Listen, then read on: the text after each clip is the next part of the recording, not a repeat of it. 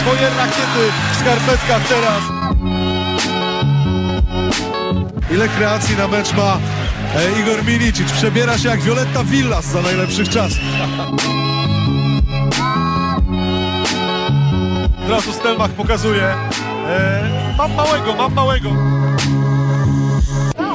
On niech nie gada, tylko niech nie kurwa kryje! What the fuck you think? Tutaj widzimy, że Nerwicki nie ma problemów z angielskim.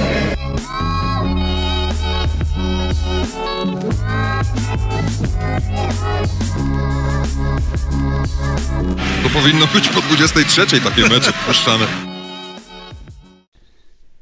W najnowszym odcinku Sytuacji Ekstra wita Was Bartek Bielecki. No i jest to dosyć przedwczesny koniec sezonu, dlatego dzisiaj z Wami będziemy, e, właściwie nie z Wami, tylko z sobą będziemy rozmawiać, ale dla Was, bo był to też e, wielce e, requestowany, używając anglicyzmu już na początku odcinek. E, mamy też od razu ogłoszenie, że, że, że zamknięta została liga na ten sezon, mamy klasyfikację, więc o tym sobie dzisiaj porozmawiamy. Porozmawiamy sobie też o nieco innych też tematach, ale także związanych z podsumowaniem sezonu. Postaramy się ocenić, jak to wszystko wyglądało, jak by wyglądało, gdyby nie koronawirus. A dyskutować ze mną dzisiaj będą e, Grzesiek Szybieński, cześć Grzesiek, Cześć, cześć wszystkim. i Michał Wódecki, cześć Michał. Cześć. Także łączymy dzisiaj dwa podcasty, Sytuacja Extra i Two Up, e, także taki crossover wewnątrz polskiego kosza. Pierwszy Tak, raz, i ale- martwimy się, jed- jednocześnie martwimy się o Jacka, czy Tak. czasami nie, nie dopadło go coś, Właśnie, Ja- Jacek. Jacek, Jacek nie mógł być dzisiaj z nami ze względu na chorobę. Nie wiemy jaką chorobę, ale trzymamy kciuki, że wszystko będzie dobrze. E, dobra, panowie. E, mamy ogłoszenie e, od PLK. Dzisiaj po południu przyszło. Zamknięty został ten sezon. E, zanim przejdziemy do tego, jaka klasyfikacja e, i, jak, te, mm, jak to zostało rozstrzygnięte, Zastanówmy się, chciałbym porozmawiać o tym, czy, czy, czy waszym zdaniem to jest dobra decyzja, że w ogóle e, no właściwie tydzień po ogłoszeniu zawieszenia ligi e, jest ogłaszany jej koniec, nie czekamy dłużej na rozwój wydarzeń. Jak wy się na to zapatrujecie? Michał, może od ciebie zaczniemy. Wydaje mi się, że to już nie ma na co czekać. Te informacje ze świata są takie, że ten wirus po prostu nas szybko nie opuści. Mm, Nie będzie czasu, żeby dograć te ligi. Y, no jest też kwestia kontraktów, które są ważne gdzieś tam do czerwca, w niektórych zespołach pewnie nawet krócej. Stąd myślę, że nie było co czekać, sezon trzeba było kończyć. Mhm. A Grzesiek, jak ty na to patrzysz? Tak, też mi się wydaje, że, że to jest dobra decyzja, żeby zakończyć ten sezon i żeby powolutku i pomału e, bilansować straty i przygotowywać się do następnego sezonu, bo tak naprawdę no to teraz to jest najważniejsze, żeby gdzieś tutaj to wszystko e, finansowo spiąć, żeby wszyscy w zdrowiu powiedzmy, że dotrwali e, do tego sierpnia e, i żeby następny sezon już e, bez żadnych przeszkód ruszył, dlatego to zamknięcie sezonu e, będzie już takim formalnym e, zakończeniem też e, takich nie wiem, rozliczeń, myślenia o tym sezonie w klubach i, każdy będzie już mógł się skupić na takich, e, na, na dopinaniu wszystkich formalności związanych i z tym sezonem i z rozpoczynającym się sezonem, więc wydaje mi się, że to dobra decyzja, że, że już teraz kończymy e, sezon, kończymy rozgrywki. Mhm, Ja, ja się też z wami zgadzam, przede wszystkim dlatego, że już zespoły potraciły zagranicznych zawodników, oni się rozjechali do domów. E, wiadomo, że byłby potem problem e, z, ich powrotem ewentualnym. E, kontrakty niektóre zostały rozwiązane, więc to już w ogóle załatwiło sprawę i przede wszystkim też chyba tak naprawdę wydaje się, że nie ma szans, żeby sytuacja poprawiła się na tyle, żeby wznowić rozgrywki w najbliższych tygodniach, żeby nie mówić miesiącach. Ale też e, w nawiązaniu do tego, co, co mówiłeś, Grzesiek, o, o, o, o, o przygotowanych do kolejnego sezonu, to, to jest ciekawa kwestia sama w sobie też, bo tak naprawdę mm, kluby mogą powiedzmy zacząć przygotowywać się wcześniej, bo będą miały więcej czasu, e, mogą podpisywać umowy i tak dalej, ale też zastanawiam się, jak będą kluby patrzeć na to względem tego, co z tym koronawirusem może stać się na jesień, bo, bo wiemy, że tak naprawdę nie mamy żadnej gwarancji, że on odpuści w ogóle, a, a, a tym bardziej, że nie wróci druga fala na jesień, która nie będzie Mhm. jeszcze gorsza na przykład, więc też zastanawiam się, czy ewentualne starania i, i poczynania w kierunku kolejnego sezonu nie będą e, przypadkiem, nie okażą się kolejnym gdzieś tam strzałem w stopę takim finansowym, Mhm. jak, jakim było też odwołanie tej, tej końcówki sezonu, no bo może nie strzałem w stopę, to jest źle powiedziane, ale chodzi mi o to, że, że to też nie zakończy się po prostu dosyć boleśnie Mhm. dla klubów. Wiesz co, wczoraj ogl- miałem okazję oglądać kanał sportowy, y, gdzie wypowiadał się między innymi Zbigniew Boniek i, i on powiedział taką bardzo ważną rzecz no, a propos dyskutowania z UEFA i ogólnie z władzami innych lig, że być może w najbliższych miesiącach, tego jeszcze nie wiemy, bo, bo sprawa jest bardzo świeża, no, ale być może w kolejnych miesiącach po prostu będziemy musieli przejść na porządku dziennym do tego, że koronawirus istnieje i, i będziemy musieli wrócić do normalnego życia i E, No chyba, chyba tak się w najgorszym scenariuszu zdarzy, że, że po prostu za pół roku powiedzmy będziemy oglądać sport za zamkniętymi drzwiami albo każdy będzie po prostu miał przeprowadzony test i, i według tego testu będziemy wiedzieć, czy ktoś może grać, czy ktoś może się trenować, spotykać, widzieć, wchodzić na halę i tak dalej. No, ogromne zmiany mogą nas czekać, bo, bo ten wirus jest taki, że tak naprawdę chyba tak kompletnie do zera nie da się go e, wyplewić ze społeczeństwa, więc no, wydaje mi się, że prędzej czy później będzie, będziemy zmuszeni się nauczyć żyć z koronawirusem. Mm, e, No i, i potem no, pytanie, tak jak właśnie w tym e, programie e, któryś z prowadzących powiedział, że być może będziemy widzieć tabelki z NBA i w zawodnikach e, w kolumnie injured będzie po prostu wpisane nie sprained ankle, tylko koronawirus. Może, może tak być. Ja teraz bardziej skłaniam się też ku tezie, że w przyszłym roku, jeżeli ten sezon w ogóle wystartuje mm, o czasie, bo to też nie jest powiedziane, że tak Mhm. będzie w związku z tym, co, co Bartek mówisz, zastanawiam się i skłaniam się ku tezie, że może nie być zespołów do tego sezonu. Mm, Z powodu nieskompletowania budżetu. Często Mhm. zespoły, a zespoły PRK to już, nie wiem, w 90% opierają swoje budżety na dofinansowaniu z miast. Myślę, Mhm. że te miasta będą miały tak ogromne kłopoty po przejściu tej pierwszej fali koronawirusa z jakimikolwiek zaległościami z, w, w swoich miastach, że po prostu tych pieniędzy na sport może nie, wy, nie wystarczyć. Nie wiem, co później będzie. Zastanówmy się też, jak e, firma Hydrotrack Radom, jak firma, no Hydrotrack z Radomia, czy ona będzie miała taki sam budżet jak, jak teraz? Zastanówmy się, jak inne drużyny, które, których sponsorzy opierają się na normalnej działalności, skąd one wezmą pieniądze przy tym, co, co się dzieje obecnie w gospodarce. Ta gospodarka leży, leży nie tylko w Polsce, ale leży też na całym świecie. No i nie wiem, nie wiem jak wy sądzicie, ale ja jakimś tam swoim laickim okiem nie widzę szans, żeby w, przez najbliższe pół roku nastąpił jakiś reset. Idąc tym tropem, Paul Farma może być potentatem, bo akurat ich branża jest dosyć e, korzystna dla, dla tego, co się dzieje, ale no tak, to, to już pół żartem, pół serio mówiąc, ale faktycznie... Michael Hicks odbierający złoty medal za rok. Kto To byśmy wie, chcieli kto zobaczyć. E, tak, no właśnie, to też, też ciekawe, co, co się wydarzy z igrzyskami 3 na 3 w, i kwalifikacjami. No wszystko wydaje się to, to odwołane i, i przełożone być może na kolejny rok. I, i A widzieliście dzisiaj te temat. informacje, że, że w 5 na 5 może być, możemy Tak. zagrać po prostu? Tak. No, to było świetne. Mhm. Bardzo mi się to podoba. Tak, tak. To, to już mówiąc szerzej, e, chodzi o to, że, że może być decyzja, że anulujemy kwalifikacje do igrzysk i po Tak. prostu lecimy po kolejności według e, Mistrzostw Świata i wtedy, wtedy się łapiemy. Ale tutaj decyzja jeszcze nie zapadła, prawda? To, to jest Nie, no jasne, jasne. To plotki na razie. Tak jest. E, No nic, no a wracając do PLK, no to rzeczywiście fak- faktycznie może być bardzo ciężko, jeżeli chodzi o, o, o, o rozegranie tego przyszłego sezonu w, takim, e, w takiej formule, w takim e, timeline, jaki znamy dotychczas i e, faktycznie to może być problem dla, dla wielu miast i, i sponsorów. Ale przejdźmy może teraz do tego, co zostało powiedziane w, o tym sezonie i Wiadomo, że on zakończył się jednak klasyfikacją, zakończył się układem, przyznaniem mistrzostwa właściwie, jak to na PLK, jak to PLK ubrało w słowa mistrzostwo przypadło Stelmetowi. To, to też Mhm. mnie dosyć ubawiło, no ale faktycznie jest to dobry dobór słów w tym przypadku i co jest chyba najbardziej kontrowersyjne, to jest sposób, w jaki ta klasyfikacja została e, policzona i, i, i, chodzi o to, że e, została, zostały drużyny potraktowane po ilości punktów, które zdobyły, czyli e, tak naprawdę grając mecze awansem można było wiele zyskać w tym sezonie, jak się okazało. Jestem ciekaw, co by było, gdyby na przykład, mm, dajmy na to, Tref rozegrał trzy mecze więcej albo pięć meczów więcej, bo by miał jakieś kolizje w terminarzu i musiał grać mecze awansem.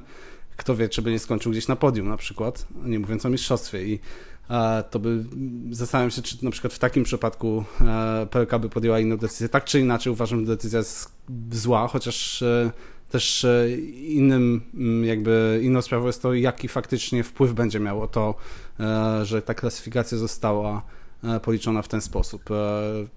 Ale czy to nie jest mhm. po prostu kwestia regulaminu, tego, że nie dało się tego inaczej zrobić bez zmienienia regulaminu ligi, ligi tego, tego podsumowania, patrząc na punkty, a nie na procenty zwycięstw? Wiesz, jest jeszcze kwestia tego, że ok, można, jeżeli to jest kwestia regulaminu, bo tak mi się wydaje i tak gdzieś tam słyszałem. Jest też kwestia, że ok, zmieniamy regulamin, no bo rzeczywiście nie ma sensu to, że ASECO e, mając mniej wygranych, więcej przegranych jest wyżej niż Toruń, Natomiast czy zmiana regulaminu w tym momencie nie byłaby jakąś podstawą do sporów prawnych, do dochodzenia odszkodowań w przyszłym sezonie? Myślę, że to mógł być taki główny e, aspekt, dlaczego ta, ten ranking wygląda tak, jak wygląda, dlaczego to, to wygląda, jak wygląda. No wygląda śmiesznie, okej. Okay. Chyba co do tego nie ma nikt wątpliwości. Natomiast zastanawiam się, czy tak naprawdę liga miała inne wyjście. Dla mnie najbardziej zabawne w tej całej sytuacji i najciekawsze jest to, i pisał właśnie przed chwilą na Twitterze o tym e, Łukasz Segliński, że, że to, ten system obnażył jakąś taką głupotę, jaką jest przyznawanie jednego punktu za porażkę mm -hmm. w mhm. koszykówce. Mm -hmm. To jest totalnie bez sensu i kiedyś też się już na tym zastanawiałem, ale jakoś tak machnąłem na to ręką i stwierdziłem, że no widocznie tak się gdzieś ustaliło i, i tak jest, natomiast no, przyznajemy punkt za porażkę w koszykówce, gdzie nie może być remisu, no to jest kompletnie bez sensu i e, no tak, to ta, ta punktacja to, to jest chyba coś, co, co jest wadliwe w koszykówce i coś, co należy zmienić i, i ten, to rozstrzygnięcie tego sezonu no chyba tylko to potwierdza.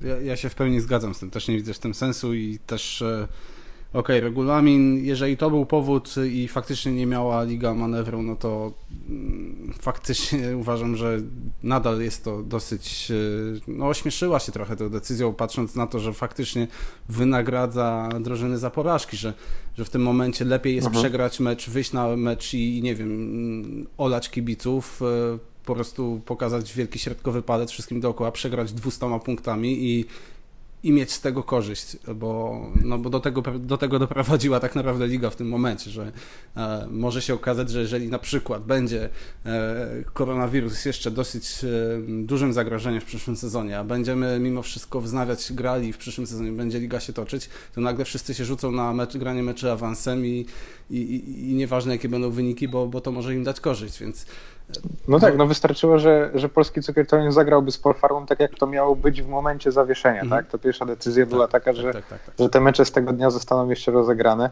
i wystarczyło, że ten mecz zostanie, od, odbędzie się i Polfarma nie byłaby ostatni i polski cukier nie byłby piąty. E, Dobra, wiecie, ja muszę trochę pobronić tej ligi, no bo okej, okay, no wystarczyło, no bo wystarczyło, żeby Toruń wyszedł na mecz, pewnie, okej, okay, wystarczyłoby, mógłby przegrać z Toma, byłby przed tym Aseko, no ale kto jeszcze dwa tygodnie temu mógł wiedzieć, że tak się zakończy ta liga? Czy w lidze ktokolwiek nie. brał pod uwagę, patrząc regulamin, że hmm, jak zdarzy się koniec świata, ale jednak przeżyje trochę osób, to, to ten ranking będzie wyglądał nie tak, bo, bo Toruń ma, przegra- ma rozegranych dwa mecze mniej. No myślę, że nie. Zdarzyła się taka sytuacja, jak, jak się zdarzyła. Liga rzeczywiście sprawnie w komunikacie ogłosiła, kto został tym mistrzem.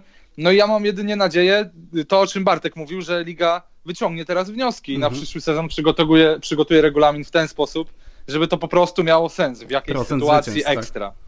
Na przykład procent no, zwycięstw. No wydaje się sytuac- to Sytuację nadzwyczajną, żeby, żeby po prostu przewidzieć, tak? Tak jest. No nie byli na to przygotowani, ale patrząc po świecie, no nikt nie był na to przygotowany i chyba no też tak. nikogo to nie dziwi, że, że nikt się nie przygotował na taką ewentualność. Mhm. E, dobra, Czyli co, wniosek taki, że od przyszłego sezonu liga powinna mieć w regulaminie wszystko, żeby liczyć e, tabelę według procentu zwycięstw, e, potem w drugiej kolejności bezpośrednich pojedynków i w trzeciej małej tabelce Mhm. I to by załatwiło sprawę i to jest, to jest po prostu bezwzględne, wtedy bezwzględna statystyka, bezwzględne wyniki spotkań się liczą, na nic innego nie patrzymy i, i, i to jest sprawiedliwe dla wszystkich. Dlatego tak samo jak teraz jest, e, uważam, dobrze, ja się bardzo przynajmniej cieszę, że to szczęście w nieszczęściu jest takie, że e, chociaż to podium jest takie niekontrowersyjne, tam jest sytuacja mhm. jasna jak słońce, tak? E, Stelmet musiał być pierwszy start, musiał być drugi, Anvil musiał być trzeci, dlatego że przegrał E, w bezpośrednim pojedynku ze startem, a, a miał ten sam bilans, tę samą ilość rozegranych meczów, więc tu nie ma dyskusji żadnych, że Anvil powinien być nad e, startem. E, z taką, z taką tabelą procentową będzie tylko jeden problem i, mhm. i to jest problem walkowerów. Kto to zakodzi? A, nie, okej. Okay. problem walkowerów, bo, bo jakoś musisz podwójnie ukarać drużynę, która odda tego walkowera E, i dopisując jej porażkę, to, to nie będzie jakby podwójne ukaranie. Tak, tutaj trzeba, te punkty są potrzebne po to, żeby dać, nie wiem, ujemne punkty, tak? Teraz się daje 0 mhm. punktów, a w takim moim, według mnie, lepszym scenariuszu po prostu dawać ujemne punkty i, i, i jednak myślę, że od punktów nie odejdziemy właśnie z uwagi na te walkowery. Mhm. No tak, jest to, jest to jakaś myśl, ale e, nie no, faktycznie jakby docelowo dążymy do tego, że liczby, liczba meczów e, grana przez wszystkie zespoły jest równa i, i wtedy tak, tak. naprawdę walkowery e, nie mają tutaj znaczenia, tak? E, wydaje mi się. Tak, tak. W sensie mogą nadal punkty być, tylko chodzi o to, żeby w sytuacji sporne rozstrzygać zawsze po prostu procentem punktów. Wydaje mi się, że to tak, jest tak, jedyne, tak. jedyne, sensowne, jedyne sensowne rozwiązanie. E, Jaki może mieć wpływ e, ta obecna klasyfikacja? E, Toruń, e, jak wiemy, tak, takie różnice gdzieś tam główne w tej klasyfikacji to jest to, że Toruń powinien być na czwartym miejscu zamiast na piątym. Polfarma powinna być na 15 zamiast na 16. To są takie główne różnice, które wynikały z, tego, z, tej, z tej dziwnej klasyfikacji według punktów. Wiemy, że nikt nie spada, więc e, poza takim e, moralnym, powiedzmy, względem e, po farmie się nic nie dzieje. Natomiast Toruń i kwestia Pucharów Europejskich. Zastanawiam się, co tu się może wydarzyć. Czy, czy, czy, czy to miejsce niższe może mieć wpływ na, na ich występy w Pucharach? Czy to jest w ogóle możliwe? Moim się... zdaniem nie. Moim zdaniem nie, bo, bo i tak by nie byli w top 2, tak? Mhm a powiedzmy, że to top 2, nawet top 1 ma tylko zagwarantowane miejsce. Stelmet będzie, jeżeli będzie ten kolejny sezon się odbędzie, tak, jeżeli wystartują puchary, to prawdopodobnie Stelmet będzie miał zagwarantowane miejsce w Lidze Mistrzów i pozostałe zespoły nie. E, więc tutaj nie ma żadnej różnicy, jeśli chodzi o Toruń i oni będą mogli przystąpić do eliminacji w Lidze Mistrzów, bo zrobiła to chociażby Legia Warszawa w tym sezonie, mhm. więc tutaj żadnych obostrzeń nie będzie. E, no i, i to chyba tyle. No, po prostu Stelmet y, będzie miał jakby miejsce z urzędu w pucharach, tak mi się przynajmniej wydaje. E, I, i chyba też po to była robiona ta klasyfikacja. Mm, no i możliwe, że, że start, czy polski cukier Toruń wystartują w eliminacjach. E, pewnie Anvil, jeśli nie dostanie dzikiej karty, o której trochę się mówi, to, to też. I, i tak to będzie gdzieś wyglądało. Mhm.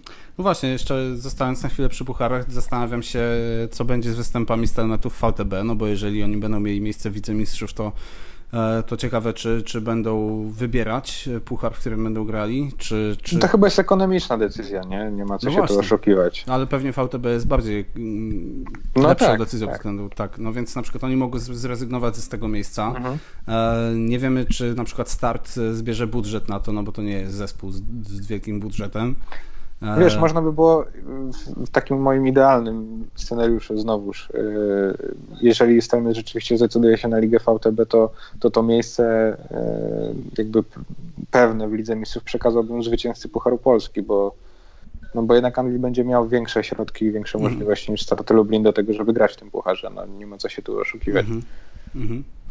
No tak, e, Arka pewnie znając ich kontakty będzie grała w Eurocupie dalej, więc e, tutaj też e, jakby kolejne, kolejna, kolejny zespół z góry może gdzieś tam wypaść z kolejki po, po, po, po Ligę Mistrzów, no i faktycznie to może nie mieć wpływu, nawet, nawet gdyby miało mieć ze względu na, na miejsce Torunia. Także co, wychodzi nam na to, że ostatecznie ta klasyfikacja nie ma najmniejszego znaczenia, tak?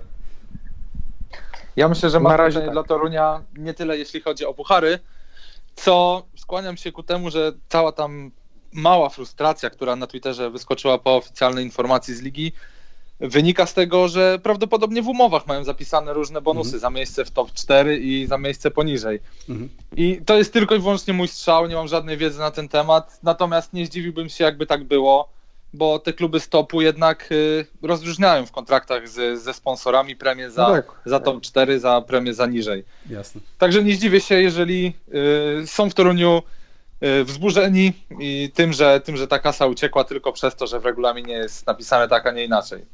Absolutnie, jak najbardziej.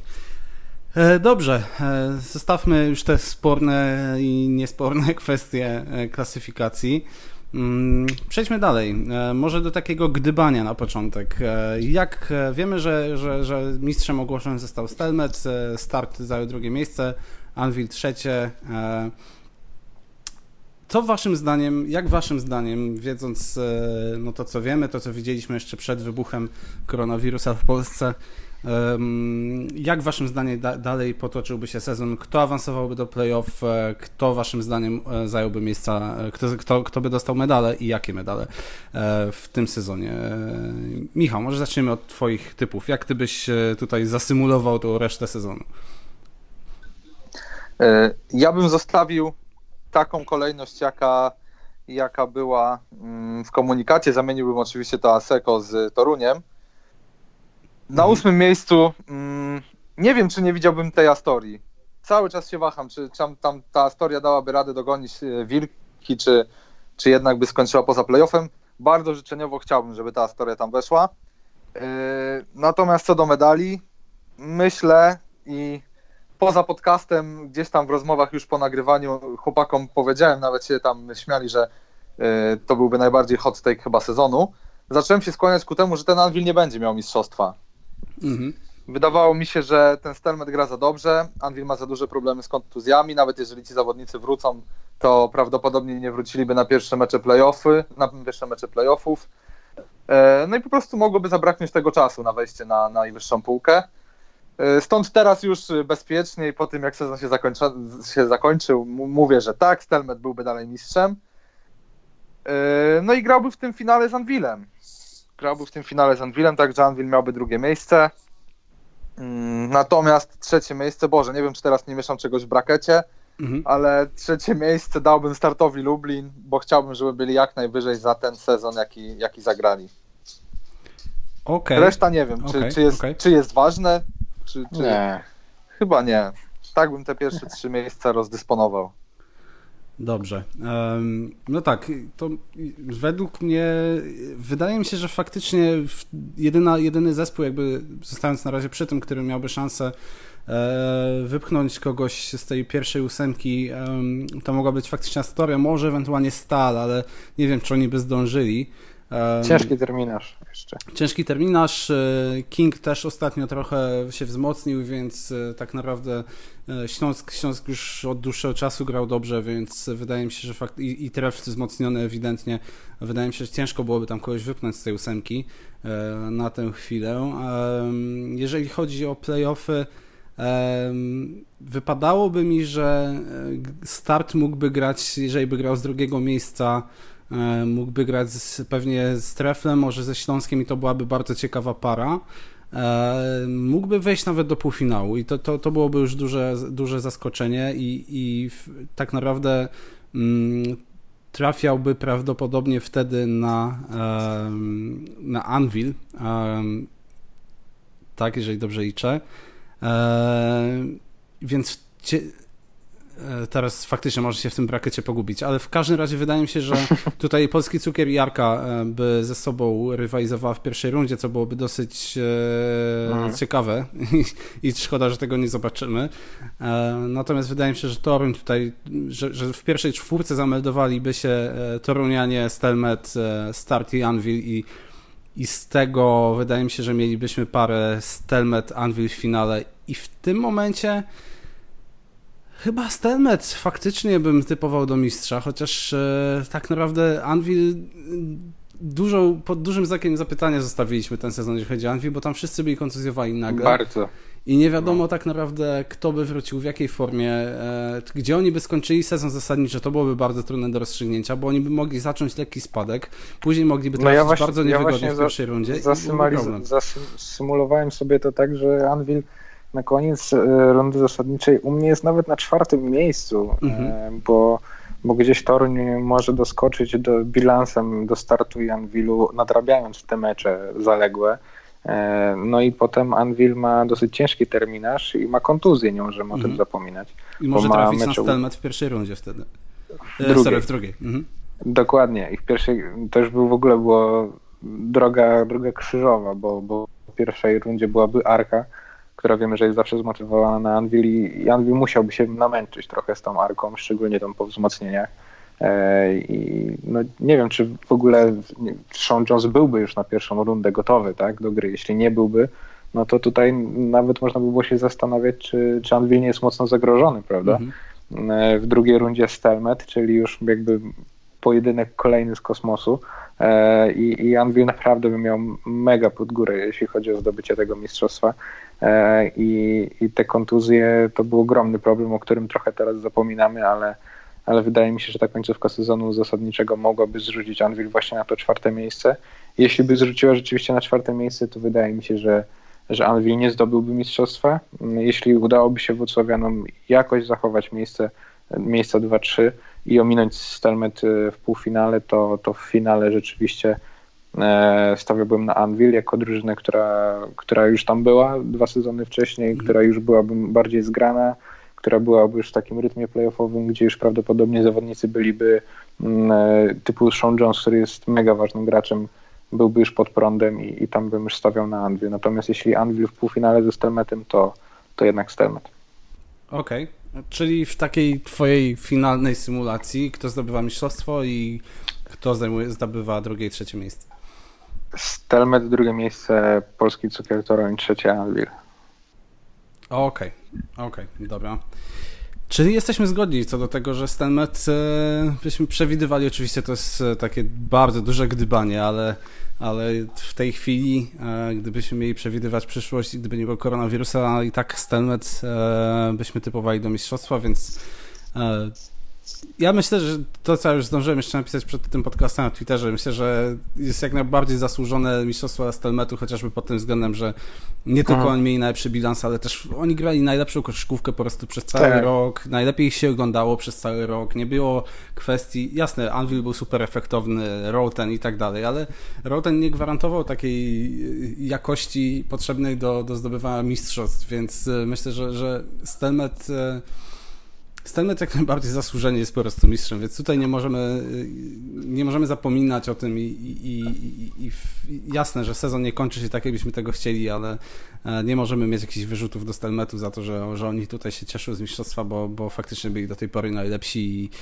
i wiele wskazywało na to, że zaszliby daleko i tak jak mówimy, typujemy ich, tak typowalibyśmy tak czy inaczej do mistrzostwa w tym momencie, więc e, na tym postawmy kropkę. E, Przejdźmy teraz No do tak, trochę... no, Mhm. te kontuzje, nie? To, to, to jest coś, które co chyba rozwala ten Mhm. sezon, nie? Jasne. Jednak. Jasne. Przejdźmy teraz do takich e, już szybszych strzałów e, w ramach podsumowania tego sezonu. Co było dla Was największym zaskoczeniem, może najpierw na, na plus w tym sezonie? Micho.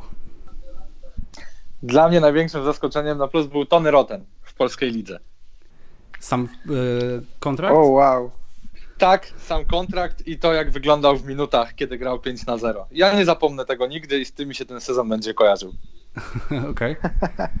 To wyglądało jak jakaś tam symulacja na amatorze. Oczywiście czasami. Ja mówię tylko o tych minutach, kiedy on rzeczywiście tak wyglądał, jakby gdzieś tam Kiedy grał. byłeś plus 20. Tak, no tak, na salce jakby gdzieś tam grał w Kalifornii, czy w jakimś tam innym, nie wiem, Compton, gdziekolwiek.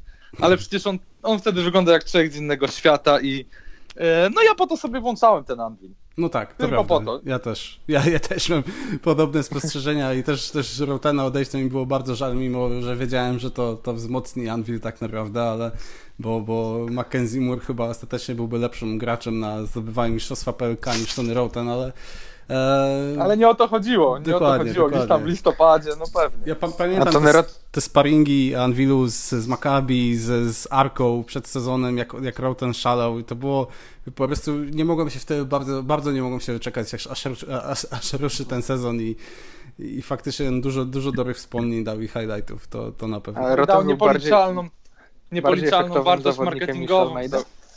Słucham? bardziej efektowny zawodnik niż Almeida? Tak, Tak. nieporównywalnie. Dla mnie Nie też. ta półka. Okej. Dla mnie też. Almeida był, wiesz, Almeida, ojejku, nie wiem, może inny rodzaj atletyzmu to był. A no dunkerem była Almeida, nie? Roten ma gaz. Dokładnie. W Rotenie było fajne to, że on tą koszykówką się bawił. Wiadomo, mówimy tylko o tym Rotenie prawdopodobnie średnio 5 minut na mecz, nie więcej, który, który tak grał. No ale on, on się tą koszykówką wtedy bawił, a Almeida, Almeida wyglądał tak, jakby ta koszykówka była y, dla niego sposobem na zarabianie pieniędzy. Był świetny w tym, był cudowny, był też często emocjonalny, ale nadal mam wrażenie, że, że on tej gry nie kochał, tak jak Roten, taki dziecięcy Co? sposób, no taki Serio? jak był cały Tony Roten. Ja tak mam nie wrażenie, gram w że obronie, nie gram w obronie, tylko biorę piłę i idę dać dwa punkty, a później przez 15 sekund gdzieś tam macham do trybun, no i nie bronię. Mi chodzi Ja o mam- taką miłość, o Mhm. taką, wiesz, No o tak. taką dziecięcą, naiwną, taką już nawet zahaczającą o głupotę, no. no. Ja Nie mam często wrażenie, się że, widzi takiego że, że Almeida no. miał taką mambę w sobie, nie? Że, że miał taką żyłkę, że, że on musi wygrywać. Takiego Bryanta trochę w sobie miał. Tak, mi też bliżej jakby do tego stwierdzenia, bo, bo to, że on e, nie kochał tej gry albo e, był tutaj zarabiać pieniądze, to, to, to, to nie jest, nie wiem, Masiulis, ale, ale, ale tak, e, ja się zgadzam z Michałem, że, że Roten był faktycznie showmanem, on, to, to był po prostu gość, Mhm. który tutaj przyszedł być gwiazdą i no szkoda, no mówię, ja lubiłem, lubiłem ten duet jego z Lido, mimo że tak naprawdę jakbym miał oceniać ich jakby skille, ich e, to, co mia, czy to, czym mieli być, a tym, czym byli, to, to jednak w sumie byli dla mnie chyba w koniec końców bardziej negatywnym zaskoczeniem niż pozytywnym, ale, ale To no, może od razu, jak już o tym wspomniałeś, to przejdę do e, najgorszego momentu sezonu, czy tam rzeczy, którą najgorzej będę wspominał i to jest właśnie duet Lido Roten. To jest właśnie ich gra na boisku i to jak bardzo Anvil przez nich tak naprawdę cierpiał. I tu widzisz, tu trzeba znowu rozgraniczyć to, co przed chwilą mówiłem o Rotenie, to z czym jest koszykówka naprawdę i o co chodzi w tej koszykówce. No bo o ile uwielbiałem na tego Rotena patrzeć, uwielbiałem e, patrzeć na jego highlighty, jarałem się tym, że w końcu Włocławek jest w europejskich e, gdzieś tam portalach. Wiesz, koszulka, koszulka z napisem Włocławek była chociażby na Twitterze e, Champions League gdzieś tam na pierwszym miejscu. Tak dopiero w momencie, kiedy Roten odszedł, sezon dla Anwilu się zaczynał naprawdę. Mhm. I czekałem, aż, aż ten Roten odejdzie, aż ten Anvil zacznie rzeczywiście grać swoją koszykówkę. No bo byli za, zawodem strasznym. Byli zawodem. y, Roten miał być liderem, taką pierwszą opcją, tak przynajmniej ja go postrzegałem, gościa, który zrobi w pewnym momencie 40 punktów albo będzie blisko triple-double, chociażby w, w lidze, już nie mówię w lidze mistrzów. Natomiast no, on był takim gościem na te 5 minut. Mi te 5 minut y, w zupełności wystarcza. Dziękuję ci, Tony.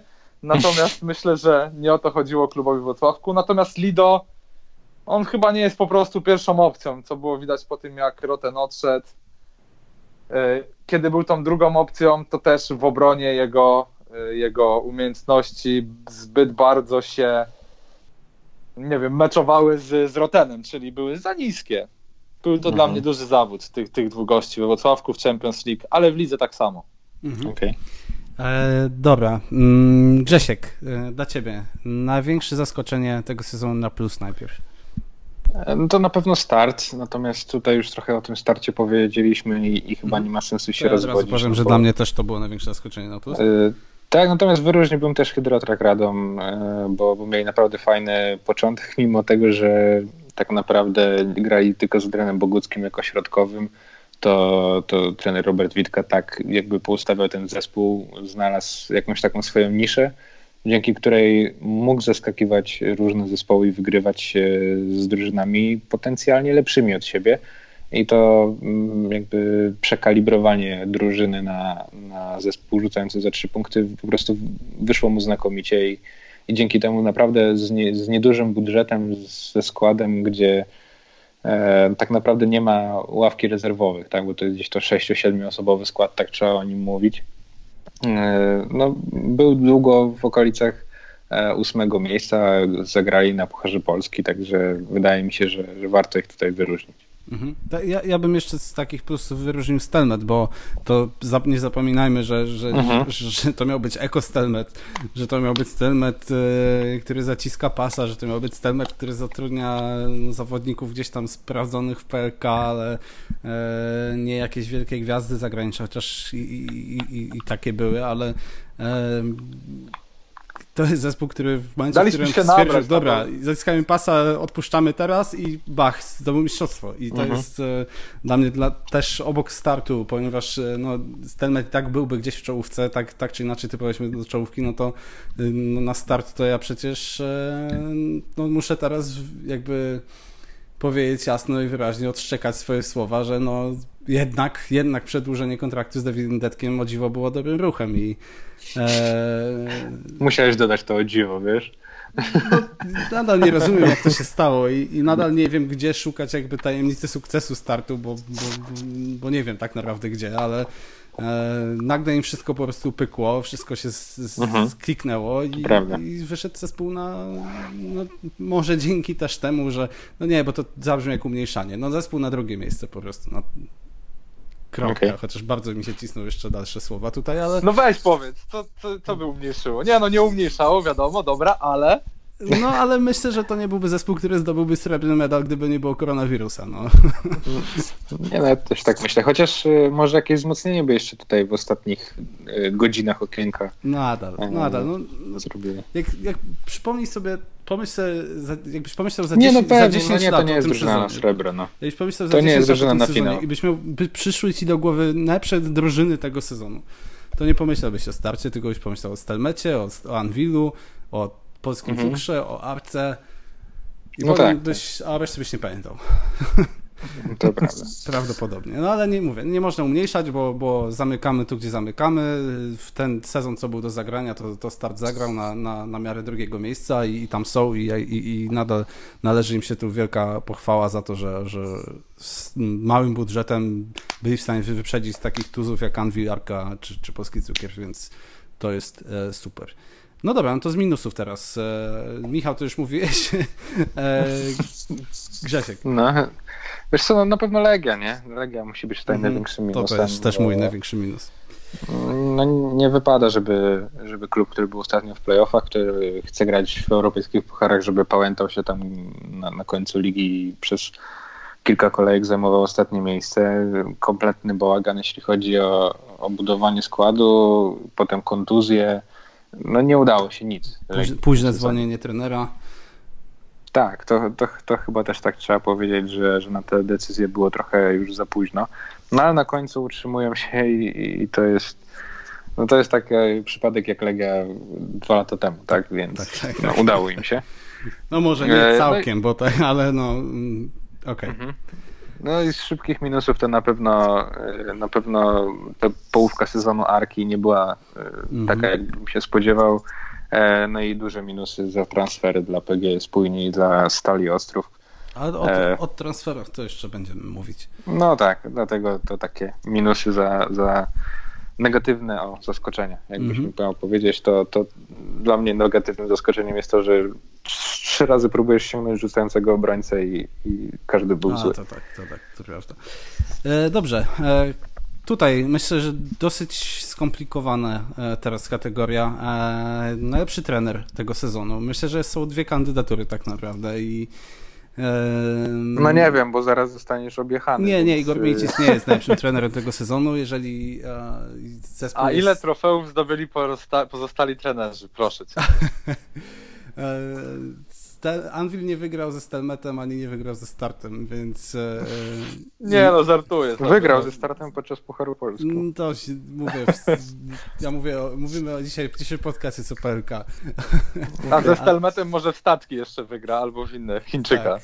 Tak, e, no właśnie, no właśnie, to jest, to jest to. Dla mnie, jeżeli mamy zespół, który e, e, był zdecydowanym faworytem na mistrzostwa i to tak bardzo zdecydowanym, że już się bardziej zdecydowanym faworytem nie, nie da być w tym sezonie i kończą na trzecim miejscu, pomijając okoliczności, ale są na trzecim miejscu, e, no to Igor Mincic automatycznie wypada z jakichkolwiek konwersacji o, o, o nagrodzie dla trenera roku i moim zdaniem to się rozgrywa między Żanem Tabakiem i, i Dawidem Detkiem i, i powiem wam, że niestety nienawidzę się za to, ale e, no nie wiem, nie potrafię powiedzieć, że Dawid Dedek był najlepszym trenerem tego sezonu, mimo że tak naprawdę jakby skala, gdzie, gdzieś tam ile oni przeskoczyli ten start, gdzieś tam z zespołu, który e, pewnie był typowany do 10, 9 miejsca, zdobył srebrny medal i, i to powinno wystarczyć, żeby, żeby, żeby dać tę nagrodę um, Dawidowi Detkowi, ale ja musiałem dać to Tabakowi, dlatego że Tabak e,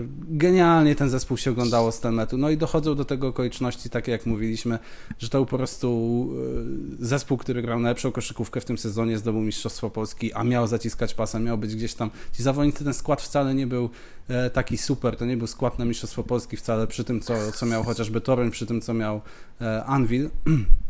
A grali po prostu, no niebywałą koszykówkę, jak, jak grali, jak nie wiem, San Antonio Spurs za najlepszych czasów i dlatego dla mnie trener Tabak jest e, tutaj moim kandydatem na ten, e, dla tej, na tą nagrodę na najlepszego trenera tego roku. No ja, tak jak y, też pisałem, dla mnie Dawid Dedek, chociaż tak naprawdę długo było 50 na 50, jednak ten skok startu u mnie, u mnie przeważył. Jeszcze tak tylko już y, zamykając tą dyskusję o Igorze Miliciu, chciałem powiedzieć, że to jest wybór na najlepszego trenera tego sezonu, a nie na najlepszego trenera w PLK ogólnie. Jasne, oczywiście, że tak. I e, te dwie klasyfikacje, jeśli ktoś by się nie zorientował po tym, co powiedziałem, są inne. I, i to tak, e, Tak, zamykając, Tak, tak, tak, jak najbardziej. zamykając tę dyskusję. Jak najbardziej. E, Michał, twoim zdaniem? Może rozstrzygniesz Moim zdaniem Dedek, dyskusję. moim zdaniem Dedek i na niego głosuję, na niego jest Okej. 2-1. Yy, Głównie dlatego, że przeskoczył dużo bardziej poziom oczekiwań Mhm, sprzed mhm. sezonu do, do tego, na czym się skończyło. Krótko. Jasne. To jest dla mnie jak najbardziej akceptowalny typ, mówię. Dla mnie to jest między tymi dwoma i, e, i jak najbardziej mogę się zgodzić, e, że, że Dedek i, i, i jak najbardziej może być uznawany za lepszego trenera tego sezonu e, i nie mam z tym problemu.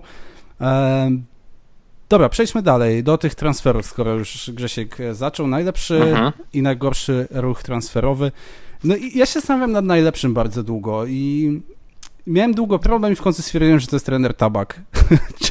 Ja może za bardzo cukrze, tutaj nie mam żadnego interesu, żeby to robić, ale, ale naprawdę myślę, że dla Stelmetu, który miał zaciskać Mhm. pasa, ściągnięcie tej klasy trenera było po prostu świetnym ruchem i od razu się to Mhm. odpłaciło, zdobyli mistrzostwo. No, jeżeli szukamy, o, szukamy czegoś takiego, jednego ruchu, który po prostu 100% efektywności, no to, było dla mnie, dla mnie to było po prostu ściągnięcie trenera Tabaka. Ja mam Iwicę Radicia jako Mhm. e, środkowego, który po pierwszych meczach wyglądał mi na kompletnego drewniaka, już to mówiłem wielokrotnie. E, i, i, I nawet gdzieś tam w duchu się podśmiewałem z tego, że facet nie ma lewej ręki i wszystko kończy na prawo. No, a koń, kończy sezon tak naprawdę jako drugi strzelec stelmetów w lidze, jako zawodnik, który e, naprawdę fajnie prezentował się w defensywie, był pewny w tych swoich haczykach i mimo, że wszystko robił w prawą stronę, to, to był mega w tym efektywny. Wchodził na 15-20 minut i, i produkował. Robił 12-13 punktów, 6 zbiórek. Czego więcej chcieć od centra, który jest twoim drugim centrem. No, rewelacyjny, rewelacyjny transfer i, i to też zawodnik, który wyciągnięty był z Ligi Belgijskiej, zdaje, się, jeśli teraz z czegoś nie mylę, więc to też nie jest transfer za jakąś wielką gotówkę. Mm, Moim zdaniem najlepszy transfer. Okej. Michał? Moim zdaniem tym najlepszym transferem jest y, Brinton Lemar, Mhm. bo jest dla mnie wszystkim, czego, czego szukam w zawodniku na jego pozycji, czego szukam w liderze. Jest gościem, który jak trzeba było to rzucał, jak gdzieś go tam podwajali, czy schodzili do niego, to podawał, potrafił też zebrać, potrafił w trudnym momencie y, pociągnąć jakąś tą swoją drużynę. No i też trochę podobnie jak przy Dawidzie Detku, czyli oczekiwania co do niego miałem praktycznie żadne, No bo nie po gościu z Ligi. Węgierskiej, tak? No. Dokładnie. Nie wiedziałem, kto to jest, natomiast e, zdziwię się, jak za kilka lat e, nie będzie gdzieś wysoko w koszykówce. Bardzo, bardzo fajny zawodnik, bardzo ciekawe nazwisko. E, Bardzo dobry sezon. No i, i, i lider drugiej drużyny, jakby nie patrzeć. Tak A jest. moim zdaniem Lemarowi w takiej mega poważnej koszykówce europejskiej zabraknie warunków Wzrostu. fizycznych. Mm. Mm, To jest gracz, który dwójką, trójką, taki, takim wingmanem, tak, bo teraz ta pozycja 2-3 jest mocno, mocno się zacierają i on, on nie może grać na tej pozycji. Jeśli ma gdzieś grać wysoko, to musi być rozgrywającym e, i, i tu nie ja wiem, trochę się jest z tobą nie zgodzę, bo, bo ma gdzieś tam wysoki punkt, y, punkt rzutu, chociaż wchodzimy Mhm. już też w niebezpieczne, w niebezpieczne No jasne, rejony, E, ale ma wysoki set point. E, Mhm. i Ma też fajny kozioł, ma też A co fajny sądzisz o jego krok, dipie?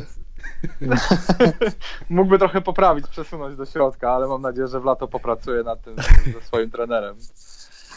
Nie, no ja jestem jego fanem, więc e, może Nie, mieć na PLK taki super jak ma teraz. Tak jest. Mhm, dobra. E, no to e, teraz może sobie Grzesiek właśnie poużywać. Najgorszy transfer. Masz, nie wiem, ile potrzebujesz? 20 minut? Nie, nie, nie, żeby tutaj się właśnie nie, nie rozwodzić za dużo, wybrałem jeden i już się tym razem nie ograniczałem, tak jak ostatnio zrobiliśmy to do zawodników, którzy jeszcze Mhm. są w zespołach. Tak, bo już nikogo nie ma. Było jednak ten Kyle Dux, mówiłem, że to nie jest taki słaby zawodnik. Yy, yy, że, że to będzie Dante McGill. No. To będzie, Okej. musi być Dante McGill, który moim zdaniem jest słabszym zawodnikiem niż Omar Calhoun, yy, który był na początku w stali. No, wzięcie zawodnika z Ligi Kazachstańskiej, gdzie tak naprawdę był jedynym, czy tam jednym z dwóch obcokrajowców w zespole e, i kręcił tam niesamowite statystyki, no ale to, to, to możemy porównać do kręcenia niesamowitych statystyk w drugiej lidze polskiej, powiedzmy. Więc e, no, to, to był mega przestrzelony strzał i, i wydaje mi się, że, że tutaj ta, to polecenie Emilia Rajkowicza mocno zawiodło e, wszystkich w Ostrowie. Mhm. Okej, Michał, twoim zdaniem? E, Dla mnie tym najgorszym transferem jest Kyle Weaver. U, Głównie dlatego, że można było tą pozycję zapewnić, zapewnić dużo lepszym zawodnikiem. I on był gościem, który postawił gdzieś tam polski cukier poniżej, e, nawet Stelmetu, myślę. okej. Panie Ja Maćku, proszę mnie miał- nie tagować na Twitterze. Myślę, że jakby, e, jakby ten polski cukier miał od początku sezonu gościa na trójce, e, no porównując już chyba zawsze w porównaniu będzie w polskiej lidze do tego gościa, czyli no Iwana Almeida, gościa z takimi umiejętnościami, lidera, kogoś, kto będzie mógł zabrać piłkę przede wszystkim Horsbiemu z rąk. Ten polski cukier byłby na poziomie Stelmetu albo byłby jeszcze wyżej. Może by wygrał nawet kilka meczów więcej w, w, w basket, w, przepraszam, w Lidze Mistrzów, może by przegrał pięcioma, nie dwudziestoma. No nie wiem, ten Weaver był dla mnie ogromnym zaskoczeniem tak naprawdę już w momencie ogłoszenia. Nie wiem, czego się spodziewano w Toruniu. Nie wiem, jak wyglądał jego kontrakt, czy był duży, czy był mały. Myślę, że strzelając, nie wiedząc, myślę, że dało się wyciągnąć dużo lepszego gościa. Mhm.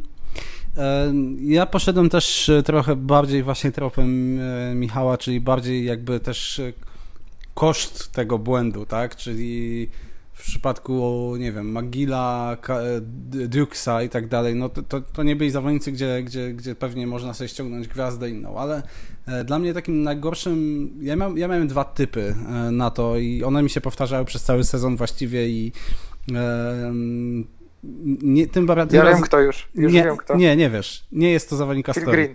Phil Green, tak jest, Phil Green, czyli wiesz. Phil Green też o nim myślałem, no. Tak, e, bo to jest zawodnik, który był dużym krokiem wstecz od e, Jamesa Florensa, miał być przecież przynajmniej na tym samym poziomie graczem i, i moim zdaniem Marka była dużo gorsza w tym sezonie niż w poprzednim i to było Mhm. głównie spowodowane Philem Greenem, który jeszcze na domiar złego był przez dużą część sezonu kontuzjowany, a jak już grał, to grał moim zdaniem słabo i poniżej, poniżej tego, co powinien prezentować zawodnik e, opcja numer dwa w ataku Arki Gdynia tak naprawdę, bo to powinno No być Krzysztof taki... Szubarga był od niego lepszy na jedynce. Tak, dokładnie, więc to E, jest... To powinno zamknąć temat tego, Dokładnie. czy był liderem, czy nie był. No. I tutaj uważam, że Arka y, bardzo, bardzo straciła na tym transferze. I on mnie, ten transfer mnie bardzo dziwił od początku, już w momencie ogłoszenia go. I, i to jest jeden z takich moich typów, który bardzo się sprawdził przed sezonem, że, że Arka na tym transferze straci, że, że e, Florence był dużo lepszym zawodnikiem i e, i, I to też jest e, jeszcze, jeszcze jakby kolejny powód, dla którego uważam, że to był najgorszy transfer, jest to, że chyba Arka miała szansę go zamienić nawet z powrotem na Florensa, bo przecież Flo- Florence się uwolnił w trakcie sezonu, Green był kontuzjowany, Arka nie chciała szukać zastępstwa dokładnie za niego, był ten eksperyment z murem. Znaczy, ile ta, ta obecność Phila Greena, jaki ona miała ogólny wpływ na to, co się działo w Arce. Na, że na przykład Armaniego Mura nie byłoby w Arce, gdyby nie mm, Phil Green, tak? Prawdopodobnie. Mhm. E, Mur też wyjechał, więc te roszady dodatkowe. Sam jeden, jedno to już ściągnięcie, po prostu taki efekt motyla książkowy według mnie, ściągnięcie Phila Greena do Arki i em, uważam, że to był, to był duży błąd i dlatego to jest dla mnie najgorszy ruch transferowy tego sezonu. E, to myślę, że teraz dobry moment, żeby przejść sobie do, do, do MVP e, tych e, ile tam, nie wiem, 80% sezonu, które dało, udało się rozegrać. Em, Zawsze, kiedy przyznajemy nagrody gdzieś tam na koniec, e, zawsze jest ten kontekst, e, co zespół osiągnął i, i gdzie zaszedł i tak dalej. Tutaj zostaliśmy po prostu, sezon został przerwany w trakcie. E, Nie wiemy, jak ci zawodnicy by zachowali się w takich najważniejszych meczach tak naprawdę. E, No, ale jednak kogoś wypadałoby wytypować do tej nagrody i jestem ciekaw waszych zdań. Michał, może ciebie zaczniemy. Ja miałem tutaj ogromny problem, bo ciężko mi było znaleźć takiej jednej Mhm. osobowości w tym sezonie, która, o której mógłbym spokojnie powiedzieć, że jest najbardziej wartościowym zawodnikiem tej ligi. No więc skupiłem się tak naprawdę na tej definicji najbardziej wartościowego zawodnika dla, dla swojej drużyny. No i wychodzi mi, że z przykrością, bo y, ta arka była gdzie była, muszę przyznać ten tytuł Bostikowi. Mhm. No bo wyobraźmy sobie, gdzie byłaby Arka, gdyby y, Bostik nie ratował jej tyle razy, w tylu sytuacjach, tyloma punktami, tyloma jakimiś tam asystami, czy też ciężkimi trójkami. No Jasne. to prawda.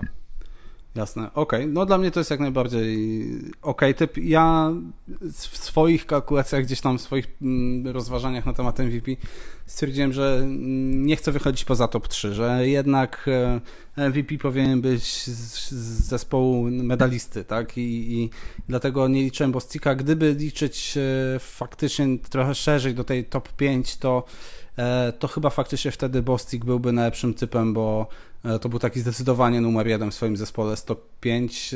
e, Chyba z całego top 5 chyba nie było takiego wyraźnego numeru jeden jak Bostik. Em, powiedzmy, można by pomyśleć o, o Chrisie Wrightie jeszcze, ewentualnie o Lemarze. Em, Ale właśnie, e, ja przyznałem ostatecznie też trochę z takim niepewnością, ale Rickiemu Lido, bo e, tym, ten Anvil nie był taką maszyną jak, e, jak Stelmet. Nie, nie, mógłbym dać MVP nikogo, nikomu ze Stelmetu, dlatego że to był po prostu, tam byli wszyscy równie ważni według mnie i, i nawet Jarosław Zyskowski nie był e, na tyle pierwszoplanową tam postacią, żeby, żeby moim zdaniem dać mu MVP, bo to byłoby trochę zawsze, zawsze można pomyśleć, skoro Zyskowski, to dlaczego, dlaczego nie Radic, dlaczego nie Hackanson, dlaczego nie Thomason, dlaczego nie Gordon i tych pytań można by mnożyć. Em, Dlatego, jeżeli chodzi o, o, o start, em, Lemar tam byłby du, du, mocnym kandydatem. Dlatego. e, A nie Carter? Właśnie, i teraz co? Lemar czy Carter, tak? A wydaje mi się, że w Anvilu chyba to była najjaśniejsza sytuacja gdzieś z tego top 3, że tam faktycznie raczej nie dało się spojrzeć na ten Anvil i powiedzieć, że y, kto jest numerem jeden postacią. Wydaje mi się, że Lido dosyć wyraźnie. Nie aż tak super wyraźnie jak Bosti Kwarce, ale, ale wydaje mi się, że, że Lido. I dlatego to był mój typ. I, I pewnie też patrząc na ilość talentu i na potencjał, na to, jak mógłby grać w tych finałach, e, na przykład dajmy na to finałach, e, to wydaje mi się, że Ricky Lido jest takim ok typem, z którym mogę żyć, powiedzmy. Ja to kropka w kropkę, to co powiedziałeś, więc No nie, nie będę zajmował czasu. Dobra, dobra.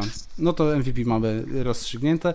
E, najlepsza piątka PLK tego sezonu to Grzesiek. Skoro nie powiedziałeś za dużo w poprzednim, to Mm. teraz. Ja mam Tweetiego Cartera mm, w tej piątce jako reprezentanta startu Lublin. E, Uważam, że Duże wyróżnienie że- zawodnika. tak, uważam, że mimo, że Brenton Lemar pewnie był lepszym strzelcem e, i jakby bardziej efektownym zawodnikiem, to jednak Carter trzymał ten zespół, był prawdziwym takim liderem, trafiał bardzo ciężkie rzuty i ważne rzuty i w ważnych momentach te rzuty. E, I, i Cartera bym wrzucił tutaj na, na jedynkę, nawet kosztem Chrisa Wrighta.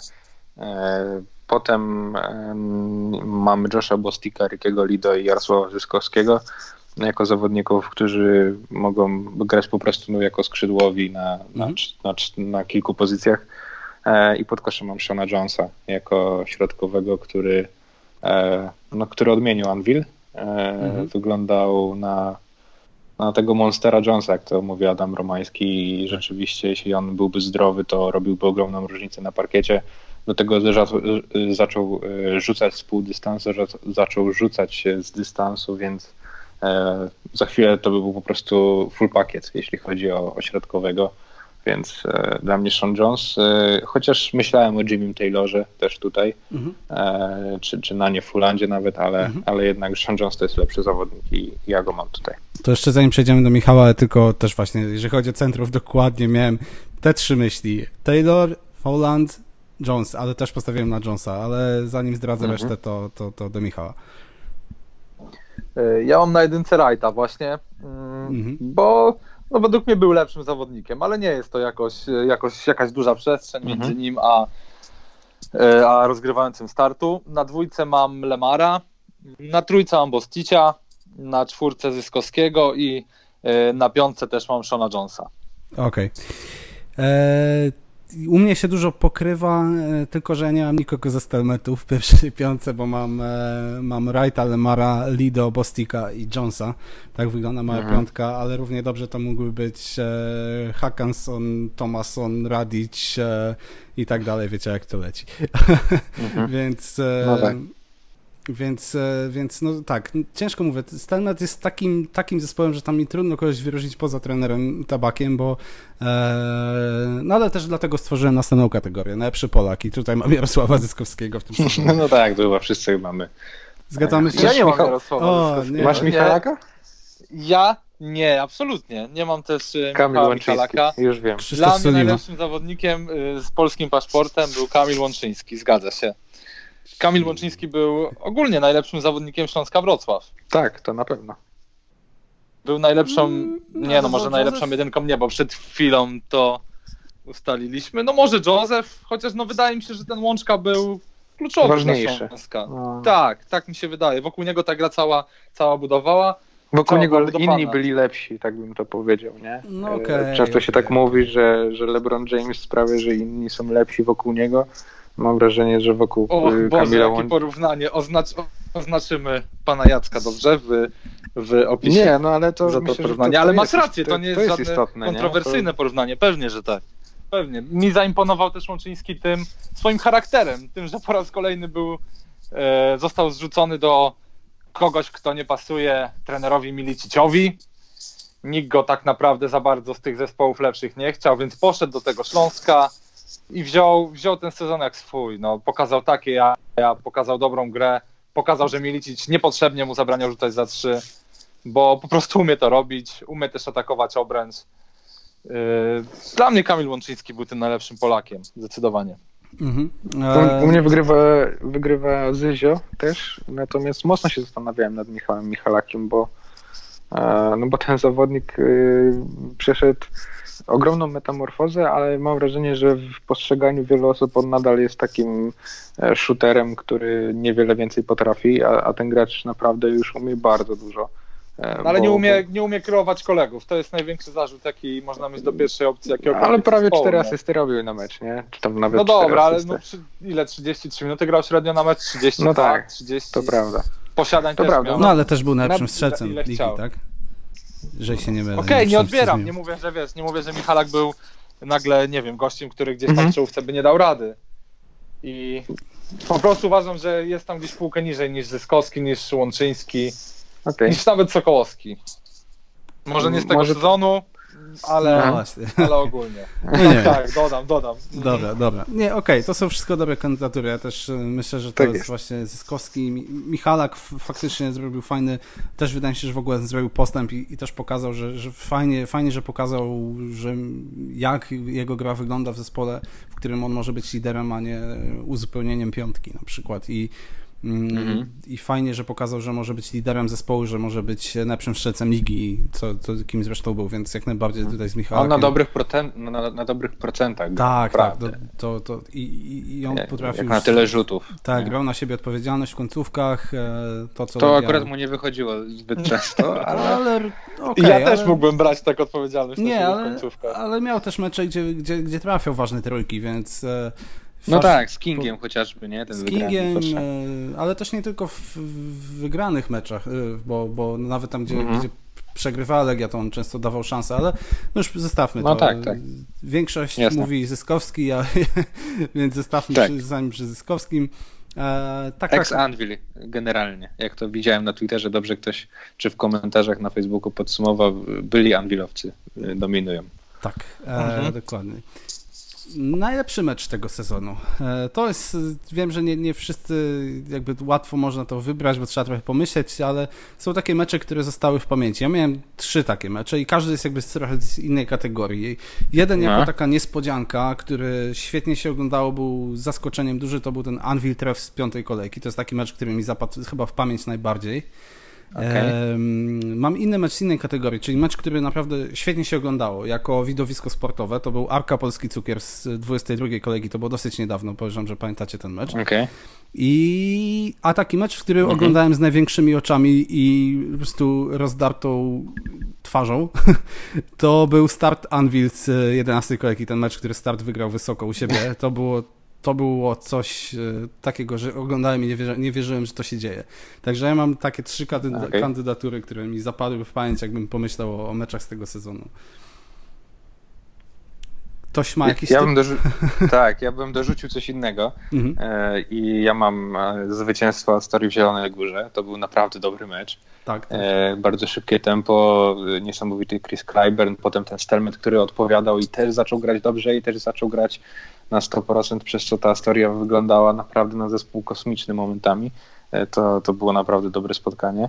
E, I, jeszcze taki mecz, który rzeczywiście imponował mi intensywnością gry, skillem, umiejętnościami, to był finał Pucharu Polski, natomiast nie wiem, czy, czy możemy go tutaj podciągnąć, ale to jest mecz, który tak, może też z racji tego, że oglądałem go na żywo, ale gdzieś e, zapadł mi w pamięć jako mecz, który, gdzie była dobra koszykówka. Jasne. Michał, Ja bardzo, bardzo długo szukałem takiego meczu w tym sezonie, który, który by mnie gdzieś tam porwał. Yy, Miałem dwie kandydatury i to była właśnie ta Astoria ze Stelmetem, o której mówi Grzesiek i Anvil z Treflem, o którym ty Bartek mówiłeś. Natomiast y, z czystym sercem nie mogę powiedzieć, żeby w tym sezonie był jakikolwiek taki jeden mecz, który gdzieś tam by mnie, by mnie porwał, który do dzisiaj bym wspomniał. Nie wiem, może taki mecz miał być dopiero przed nami, a może miał być dopiero w playoffach. Natomiast no, patrząc wstecz, z czystym sercem żadnego takiego meczu e, bym nie polecił komuś sobie teraz do oglądania. Nawet przyznam się wam, że wczoraj sobie siedziałem e, w domu i, i tak sobie myślałem, czy jakiś mecz sobie gdzieś tam na Ipli odpalić starszy. No dobra, ale jaki? No i tak prawdę mówiąc, no pustka. No, Anvil z Treflem można łączyć tak naprawdę czwartą kwartę. Mhm. Ta historia ze Stelmetem.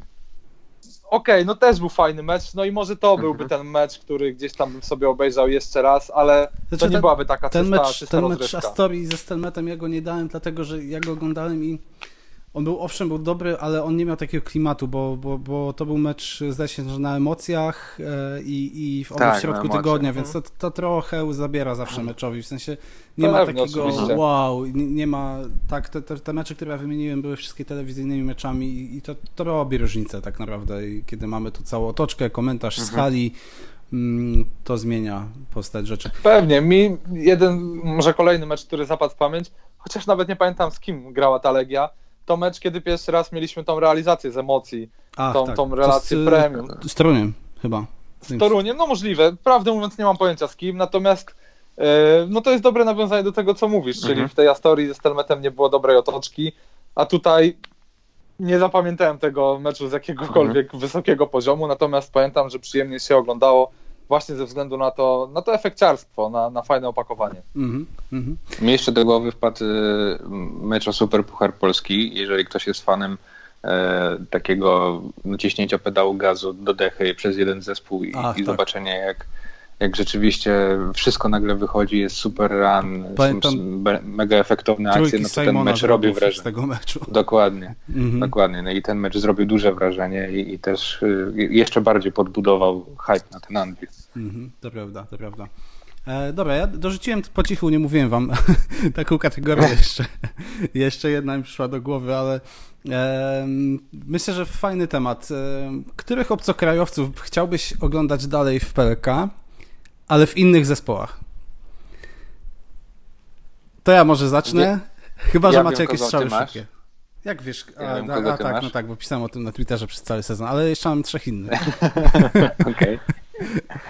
E, Tak, jest Isaiah Dobra, to ty, Wilkins. po, ty powiedz. No. Jest Isaiah Wilkins, którego chcę zobaczyć w takim Mhm. chociażby jakimś treflu, ale, ale chętnie bym zobaczył w drużynie gdzieś tam z, nawet, nie wiem, z piątego, czwartego, może trzeciego miejsca e, jako e, mniej więcej w tej roli, którą pełnił, nie wiem, Giniard Farce w zeszłym sezonie. Myślę, że, że, że spokojnie gracz, to gracz, który przecież grał na po 40 minut w każdym meczu w, w Double Farmy i, i naprawdę dużo potrafi w obronie i, Mhm. i na deskach, a potrafi jeszcze się włączyć w ataku czasem, chociaż on bardzo rzadko w ogóle patrzy na kosz, ale jak już patrzy i jeszcze trafia, to wtedy jest zdecydowaniem graczem, do, do, który mógłby spokojnie być tym, tym piątym, szóstym obcokrajowcem e, w czołowej drużynie PLK.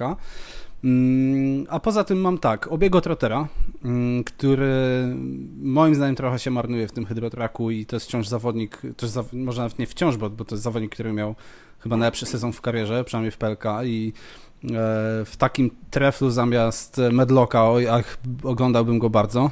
No on E, już grał w treflu, nie? Nie zapominajmy. Tak, I tylko że w słabszym. Nie było? Wiem, no, ale No teraz... tak, tak, dużo słabszym treflu, okej, Tak, dobra. tak, tak. Także zamiast po prostu Medlocka, gdyby on tam wszedł, moim zdaniem ten tref by był sporo lepszy i, i fajnie by było e, go tam zobaczyć znowu. E, mam Brentona Lemara, który chciałbym go zobaczyć po prostu w takiej drużynie na przykład grającej w pucharach i wiem, że to może być start w przyszłym sezonie nadal, ale em, jestem ciekaw po prostu jak, czy on da radę grać na, na, w takim markowym zespole, który faktycznie będzie typowany od początku do, do medalu. E, Jestem ciekaw, czy dla niego jest taka, taka rola możliwa. I trz- czwarta kandydatura to jest e, Chris Dow, który chciałbym go zobaczyć w roli pierwszoplanowej, także w takiej w zespole typu na przykład e, spokojnie moim zdaniem mógłby zastąpić w przyszłym sezonie Chrisa Wrighta w Toruniu i, i, i jestem ciekaw, jakby to wyszło. To są moje typy, jeżeli chodzi o Bardzo Okej. ciekawe pytanie. Przyznam, że skroluję właśnie statystyki na PLKP w poszukiwaniu jakichś zawodników. Jedno Ja nazwisko, które, na na którym zatrzymałem. No dobra, to powiedz może. Ciekawe, czy, czy to samo. No. E, Ja mam Chrisa Kleiberna. E, Tak, to, to jego jako pierwszego też. A gdzie bardziej Tak, no. E, Myślę, że to jest zawodnik, który mógłby w takim być następcą Joe Thomasona w Beko Stelmecie. Mhm. Jeśli Stelmet cały czas celowałby w wyciąganie takich perełek z PLK, może jedną, dwie i, i spróbowanie ich na wyższym poziomie, no to, to Chris Klember nadaje się tutaj. mm, Polski do, cukier? Do tego. Mm, No może, może, ale bardziej bym tutaj wolał go A zobaczyć. swo, swoją drogą, co, z- tabaka. co z Thomasonem? Bo dla, dla Thomasona to miał być e, taki kolejny e, sezon testu, tak? Czy on e, No myślę, że zdał go. No ale tak, ale mówiliśmy o tym, że czy on, bo on jeszcze nie skończył żadnego sezonu w, w drużynie, tak? W której jakby zawsze, zawsze były jakieś afery na koniec. To tym razem sezon się skończył, zanim, zanim więc Wiesz co, wydaje mi się, że to, to zależało od wygrywania zespołu. czy jeżeli Nie, jesteś GM-em Stelmetu, to zachowujesz, chcesz, sk- składasz ofertę na, na nie wiem, powiedzmy zatrzymujesz Thomasona, em, jeżeli tak, to na mniejszych, takich samych czy większych pieniądzach, czy go nie, w ogóle nie zatrzymujesz? Nie no, musisz dać mu podwyżkę po, po takim sezonie. To, Czy uważasz, że zasłużył na podwyżkę, tak? Y, Myślę, że musisz mu dać podwyżkę, Nie, nie, bo ale- on jej ale- oczekuje. Nie, zapomnijmy E, o tym, czy on, czy, co on oczekuje. Zap, jako ty, jako Nie, GM. tak, da, daję mu większe pieniądze. Okej. Ale czy Thomason, czy Thomason chciałby zostać w tym Stalmecie? Ja go cały to była dobra widzę jako gościa, który powinien dostać e, 3-4 rzuty więcej w meczu i zdobywać więcej punktów. Dobra, no super, pasował do tego Stelmetu i miał idealną rolę. W ogóle tego nie deprecjonuję. Natomiast patrząc egoistycznie, e, jako, nie wiem, no jako gość, który powinien zamiatać tą ligą, nie wiem, czy więcej, e, więcej akcji na niego, to więcej kasy dla niego za dwa lata by, by nie było gdzieś tam, widzę, jakiejś e, egzotycznej. A chyba w to będzie celowo, no nie jest to jakiś zawodnik na, na Euroligę, czy No wiem, nie, właśnie. Na, To też nie jest zawodnik, drużyny, które będą którego- płacić sporo. To też nie jest zawodnik, którego ja bym się spodziewał, że będzie mistrzem Polski, tak szczerze mówiąc.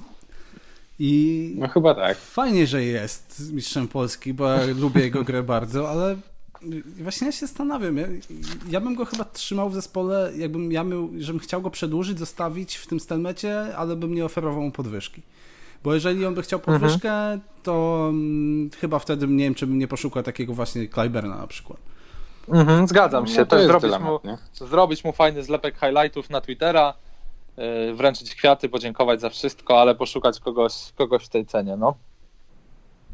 Okej, dobra. Okej, i ja szybko jeszcze wrzucę tą drugą kandydaturę i to jest e, Kendall Dykes, bo, bo jeszcze za mało go widziałem, a Ach, tak. wydaje mi się, że, że to jest zawodnik, który w PLK, do PLK pasuje i mógłby być e, drugą opcją jakiejś drużyny e, z top 6, top 7, może nawet pierwszą opcją takiego Śląska, Wrocław czy, czy Kinga. Mhm. To jest fajny gracz. Mhm. Mhm. Michał, to masz jakieś Ja jestem jeszcze ciekaw, tak, ale to już trochę na siłę też.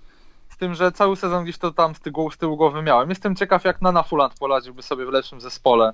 Mhm. Czy on miałby więcej jeszcze miejsca do, do kończenia przy obręczy, czy nie wiem, wrzucając go teraz do takiego Anwilu, gdzie musiałby co tydzień walczyć z centrami silniejszymi od siebie, większymi od siebie w Lidze Mistrzów, czy on by dawał im radę? Jestem bardzo tego ciekaw. Nie wiem jeszcze, mimo że 80% sezonu zostało rozegrane, nie mam pojęcia, jakim zawodnikiem jest Nana Fuland. Nie mam pojęcia, wolałbyś- czy jest dobrym zawodnikiem, czy, czy jest dobrym zawodnikiem na PLK. Wolisz w swoim zespole Nanę Fulanda czy, czy Jimmy'ego Taylora? No to tak praktycznie to samo, nie? To tak jakbyś, nie wiem, pytał, czy, czy wolisz Markusa Morrisa, wolę czy, czy jego brata. Tak?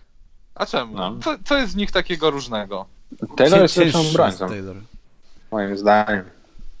Cięższy, lepiej na nogach, się przesuwa, lepiej broni w post. Tak mi się wydaje przynajmniej. Ale chyba więcej w ataku daje ale- Fulan, tak mi się wydaje. Tak, możliwe, no. Ja, był, Ja bym nie wiem, wolał- dla mnie to są, to są zawodnicy bliźniaczy praktycznie. Ja bym wolał Faulanda chyba, mimo wszystko. Bo, nie wiem, Taylor, Taylor miał takie mecze, gdzie go nie było po prostu, a Mhm. Fauland był, Mhm. był chyba w większości meczów. Miał lepsze, gorsze, ale miał sporo dobrych meczów naprawdę. A Taylor miał takie, gdzie faktycznie wow, ale mm, miał też takie, gdzie, gdzie go nie było. I, I wydaje mi się, że pamiętajmy jeszcze, że, że Taylor, o Taylorze wiemy nieco więcej, tak? Bo on grał w spójni, w tej spójni też się jakoś nie zachwycał i, i mi się wydaje, że on dobrze trafił po prostu, e, ten Taylor. A cholera wie, czy patrząc na ostatnie transfery Arki, czy na przykład to nie jest zawodnik, który trafi do Arki, do pierwszej piątki na centra teraz. Taylor, tak? Bo to jest zawodnik przecież Absona, chociażby formatu, myślę, że podob, Mhm. podobny, jakby może nie stylem do końca, ale, ale no jest to zawodnik wyciągnięty gdzieś tam jako uzupełnienie, który pełnił gdzieś tam uzupełnienie, rolę uzupełnienia piątki gdzieś tam w zespole z mniejszym budżetem i, no nie wiem, jest to ciekawy, ciekawy dylemat. Faktycznie podobni zawodnicy, ale ja chyba jestem za Faulandem, jakoś większe wrażenie na mnie robił. Dobra, to co, zamykamy ten temat i na koniec, Mhm. e, już tak podsumowując, bo już i tak nam się przeciąga to wszystko, em, Wiemy, że zapamiętamy ten sezon z tego, że się nie skończył tak naprawdę. Wiemy, że go zapamiętamy Mhm. z koronawirusa. Pewnie w ogóle byśmy chcieli zapomnieć ten cały rok, jak będziemy o nim myśleć w przyszłości, ale e, chciałem Was zapytać po prostu, z czego innego niż ten koronawirus, zamknięcie sezonu, Mhm. będziecie pamiętać te rozgrywki?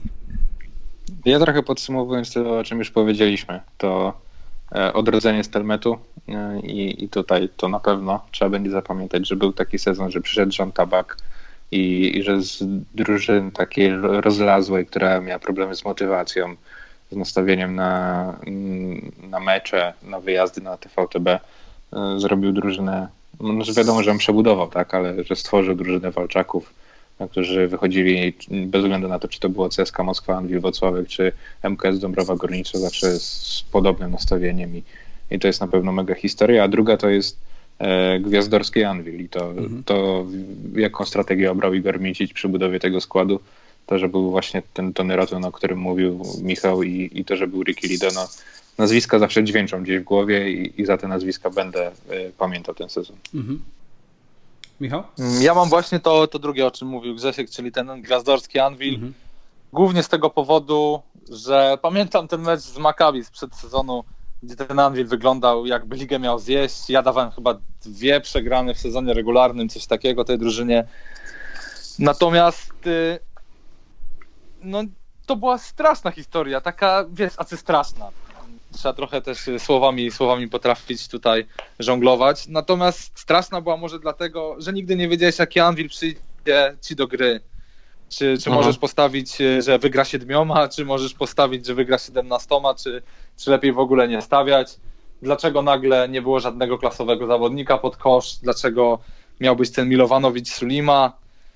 Yy, Dlaczego nie udało się, bo tak naprawdę do końca się nie udało ogarnąć tego Lido z Rotenem.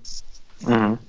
No to jest dla mnie historia, którą, którą będę pamiętał. Stelmet No był tak. dla mnie fajnym, ale y, fajną historią, którą będą pamiętali kibice z Zielonej Góry i myślę, że nikt więcej. Mhm. Chociaż No to- był świetną historią, Jasne. żeby nie było, że umniejsza. Nie no, oczywiście. Świetną. Zielonogórską historią. E, Ja właściwie to, o czym wy mówiliście, ja mam tylko jednym takim, jak będę myślał o tym sezonie poza, poza tymi rzeczami, które są oczywiste, to, to mam jeden taki obrazek w głowie, to jest to zdjęcie Rotena i Lido z, z, z biesiady tej kasztelańskiej przedsezonowej, wiecie pewnie o którym zdjęciu mówię, w polówkach białych e, na scenie. I, i, i ten tekst bez backcourt in Europe, to, to, to, to jest coś, czego ja zapamiętam ten sezon, to ta historia właśnie, e, Lido, Roten, no ta, takich gwiazd e, no nie mieliśmy w PLK od czasów przynajmniej, od czasów gwiazdorskiego Prokomu i z Travisem No tak. Bestem, Dełanem Wagnerem i tak dalej, więc to jest to, jest to co, co było nowe, to co było na co, dzięki czemu oglądaliśmy tak naprawdę, co, co, co takim główny powód, dla którego odpalałem telewizor jednak, e, jak leciały mecze Anvilu i, i, i to, to był ten duet. I wiadomo jak to się skończyło, ale to też w sumie dodaje trochę kolory tutaj tej lidze i, i temu jak będziemy patrzeć na wszystkie takie transfery od, od tego czasu i że tak naprawdę możemy ściągnąć ile talentu się chce, ale to nie zawsze będzie się dobrze kończyć i Mm, ale fajnie, fajnie, że tacy zawodnicy byli, bo mówię, liga była na pewno, na pewno ciekawsza i to była moim zdaniem najciekawsza historia tego, tego sezonu, z wyłączeniem tego pieprzonego koronawirusa no, i, i na tym bym postawił e, kropkę. Tak jest. Dobra, Tak jest. to dziękuję wam bardzo. E, to był odcinek Sytuacji Ekstra, kończący ten sezon dosyć wcześnie, bo w marcu, no nie spodziewał się tego nikt, no ale jest jak jest. E, ja nazywam się Bartek Białecki, a ze mną byli Grzesiek Szybienicki, dzięki Grzesiek, Dzięki, cześć. i Michał Wódecki, dzięki Michał. Dzięki, cześć. Do usłyszenia następnym razem.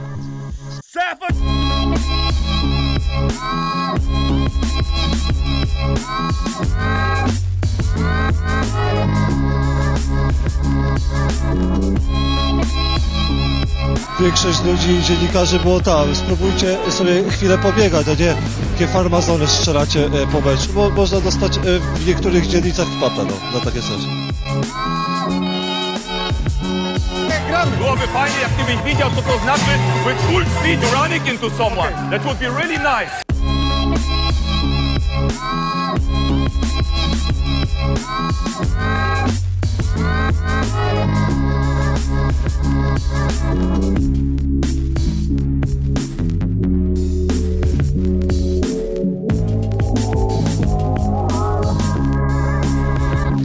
Przepraszam bardzo, koniec imprezy.